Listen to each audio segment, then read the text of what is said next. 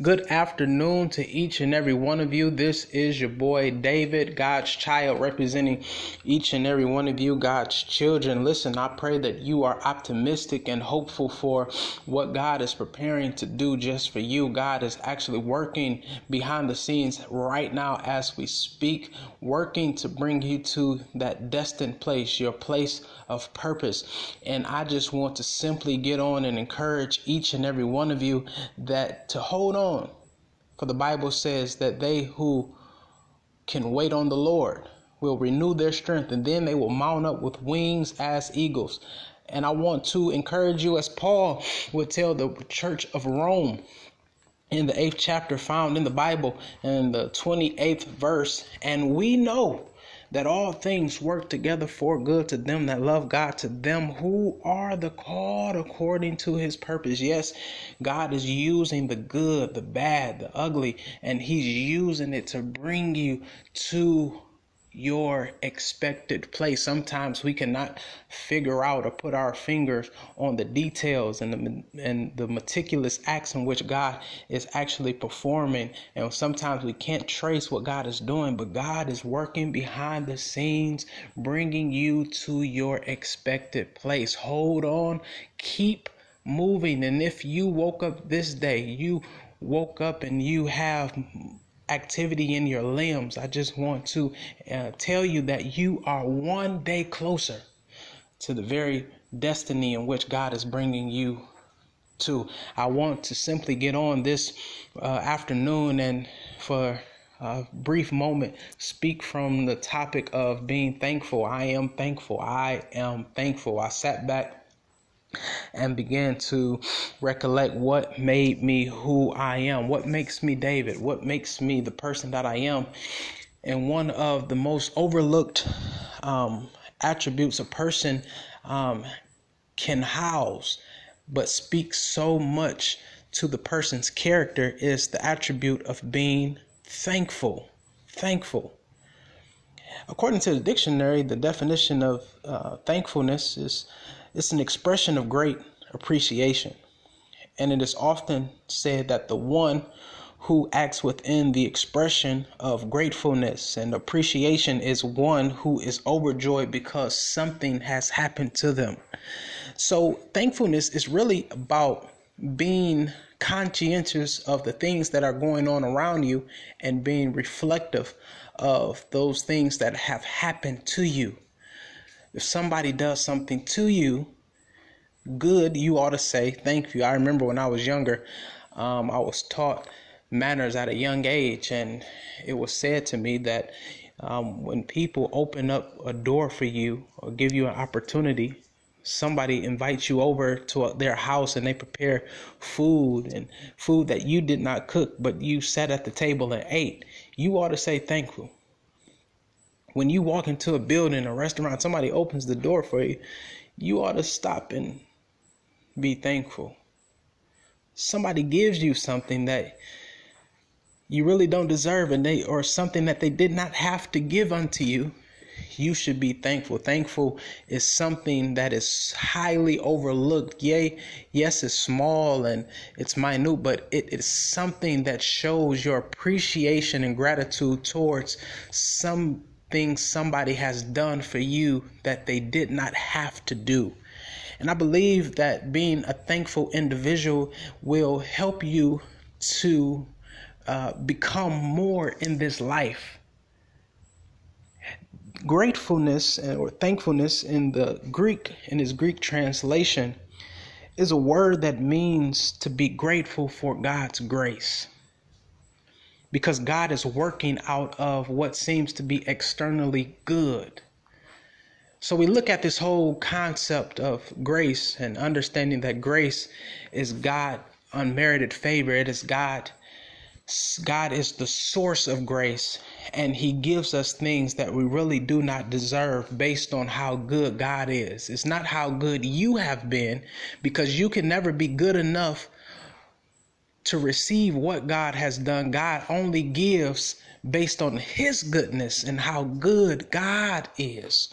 So when God gives us grace, He submerges us in something that we have no control over, and He bestows to us a portion of goodness based on His goodness. I know that was a lot, but it's the truth. God is a gracious God, and to give you some narrative to um, God's grace, I'm reminded of a story in uh, Luke chapter 17, right around the 11th verse, where it says that Jesus, now Jesus is God's son, who is 100% God, yet he's 100% man. He is the incarnated word of God.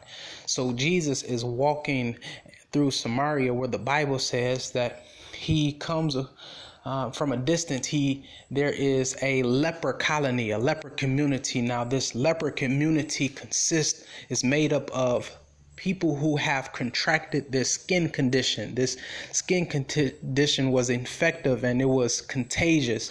Uh, it was perceived in that time that leprosy was a sin condition. You sin to the point where your sin has infected you, and now you are contagious, which makes you a threat to the common body of uh, people. So you had to go live in this community where it was you uh, living in the midst of other people who have this skin condition.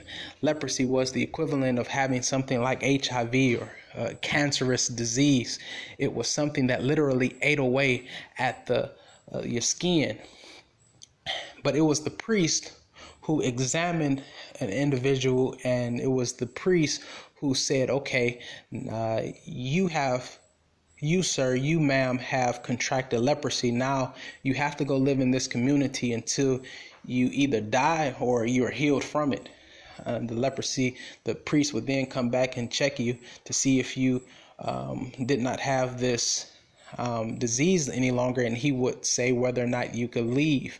So the thing about leprosy is, the, and the reality of this is that um, leprosy was a hard um, condition to survive or be cured from because if you're living around sick people, how do you expect to become healed. If all you see is sickness, if all you see is uh, low conditions, all you see is this, how do you expect to become healed. So leprosy colonies, communities were communities that pretty much was a dead end uh, community. But nevertheless, Jesus comes to Samaria where there are 10 lepers who sees Jesus from a distance. And them seeing Jesus was an indicator that they knew the power in which Jesus had to heal them and to free them of what was holding them hostage and in bondage. The Bible says that the 10 lepers come together and they lift up their voice and they call on Jesus to heal them, to free them, to deliver them from this captivating disease. So they call on Jesus and Jesus gets there. They get the attention of Jesus, which causes him to turn their way. And Jesus says something to them. He says to the 10 men who uh, got his attention, He says, Go to the priest and as they were moving towards the priest, as they went in obedience, the Bible says that, mind you, it's 10 of them, but the Bible says that when one realized he was healed, he turned back and with a loud voice glorified God. He fell on his face at the feet of Jesus and he gave him thanks. Ten men Jesus permits the 10 men to go to the priest, and which puts them into this uh, community. And as they are moving, they are healed. And one, 10%, there was 10, but one, 10% one of them turns around after he notices that he's healed and he glorifies God and he comes back to Jesus and he falls on his face at the feet of Jesus and he gives thanks. When was the last time you gave God thanks? I told you that thankfulness in this Greek this is a deeper understanding, a deeper spiritual understanding of what thankfulness is, and it is simply God's grace relinquished to men. that as these men were in this community suffering and dying daily, God came unto them and He permits them to be healed based upon their obedience for as He tells them to go to the priest. But the grace of God was so good that He heals them based on their obedience to just go forward. Ten of them were told to go, but one turned around and he comes back and he says, Thank you. So, my question to you is when was the last time you told God, Thank you? As good as God has been, I'm talking about the God who is the creator of the heavens and the earth, He who is the keeper of the cattle of a thousand hills, the one who puts green and grass and sour and lemon, sweetness and different fruits, and he gives each creature its designated purpose, and God who puts the skill level in the men to build uh, skyscrapers and lofts, and he puts the uh, the, the, the, the, the, the intellect inside of the brain, the human brain, in order for men to become lawyers and surgeons. And he, he causes for men to prosper in such a way that cause them to be recognized as a great men based upon the summation of money in which they have accumulated. When was the last time you said thank you? When was the last time you said, God, I thank you for just waking me up? I thank you for the uh, ability to have activity in my limbs. God, I just say thank you for allowing my vocal cords to be able to uh, lift up uh, word. I thank you, God, for the activity in my organs in which our blood is flowing. And when was the last time you just said thank you? God, thank you for keeping my kids. Thank you for keeping my minds. I'm able to talk with fluidity. I'm able to conceive uh, thoughts and digest thoughts. And when was the last time you said thank you? This act of thankfulness yes, it's small, but it's necessary. Jesus says to the man who comes back and says, Thank you, he asks the man, He said, Wasn't there 10 of you all? Where are the other nine? The man couldn't respond as to where they went. Jesus says to the man, Because you've came back, your faith uh, you are now made whole. Mind you, that leprosy was a skin condition and it was something um, that Jesus healed them, got the, the men from. But because this man turned back and came to Jesus, he was made whole, while the other man, yes, they were healed, but it was a chance that they could get infected with leprosy again.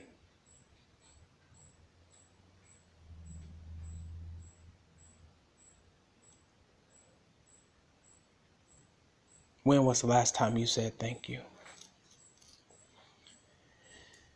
God goes out his way on a daily basis to bring men unto great things and to establish footsteps and to make generations great. And God does these things on a daily but my challenge is not for you to become an ingrate. I remember when I was younger, those who were not appreciative of the things that happened to them, uh, we had people who would say, okay, he's just an ingrate.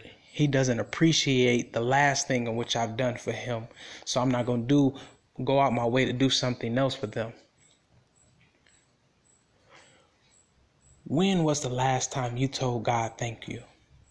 I want to close this uh, podcast with a a challenge. We're gonna call this the I'm thankful challenge. And what I want you to do is to make a list of the things that you're grateful for. I don't know for you, some of you, it may because God has healed you.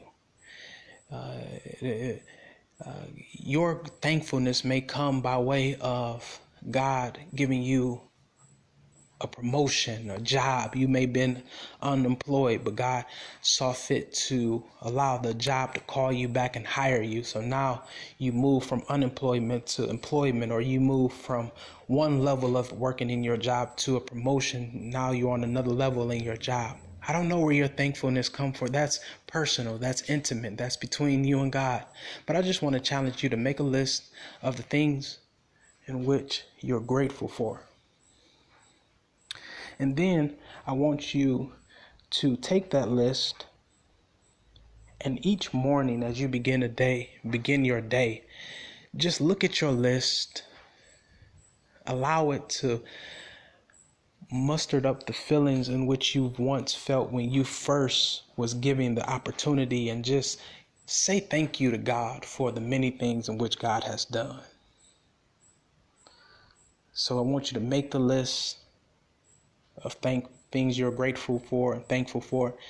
Next, I want you to take the list and each morning just begin to just reflect over your list and allow it to stir up some emotions on the inside of you and then begin to say thank you to God for the many things in which you've done for me. And the last thing I want you to do is just challenge someone. Challenge someone to express their thankfulness unto God. So just as you've created a list, challenge a friend or child, your son, your daughter, your your your co-worker, relative to formulate a list of thankfulness and to allow them to build up some gratitude towards God. My time is up. I'm just want to leave you with this thankfulness challenge that you begin to look unto God who has done so much for you. And the least you can do is say thank you. Thank you for my mind, and thank you for my soul, and thank you for keeping me. I want to close with a word of prayer. Spirit of the living God, just want to say thank you. Thank you for life. Thank you for health. Thank you for strength. Thank you for the ability to breathe and talk. And thank you for the ability to see. Thank you for our senses to smell and to touch and to conceive. Thank you for the indwelling of your Holy Spirit. Thank you, God, for our right nows. And thank you for where you're taking us, God. I just want to say thank you for the many blessings in which you have seen fit to give unto man. And sometimes, God, we get distracted and sidetracked that we don't say thank you, but we recognize that there are so many things that we can say thank you for. So this day, this day forevermore, God. Allow us to be more appreciative of the things in which you've given us. Allow us to be more conscientious of the things in which you have bestowed unto us. It's many things that we take for granted that we could lose in a matter of a moment. But God, pray, God, that you put it on our spirits and put it on our minds to say thank you for all that you've done for us. In your son Jesus' name, we thank you for him. We thank you for the life in which your son challenged us to live. Thank you for his ministry. We thank you for him feeding thousands and raising the dead and turning water into wine and walking on water and showing us the concept of faith and showing us how to feed those who are hungry. God, we say thank you for his ministry, his life, and his death. We, we, we thank you for his resurrection, which gives us new life, which gives us the spirit that regenerates our heart, that we may walk according to your will, walk in your purpose, and walk and do what pleases you. And this blessing, I seal it in your son Jesus' name. Amen. All right, y'all go in love, go in peace.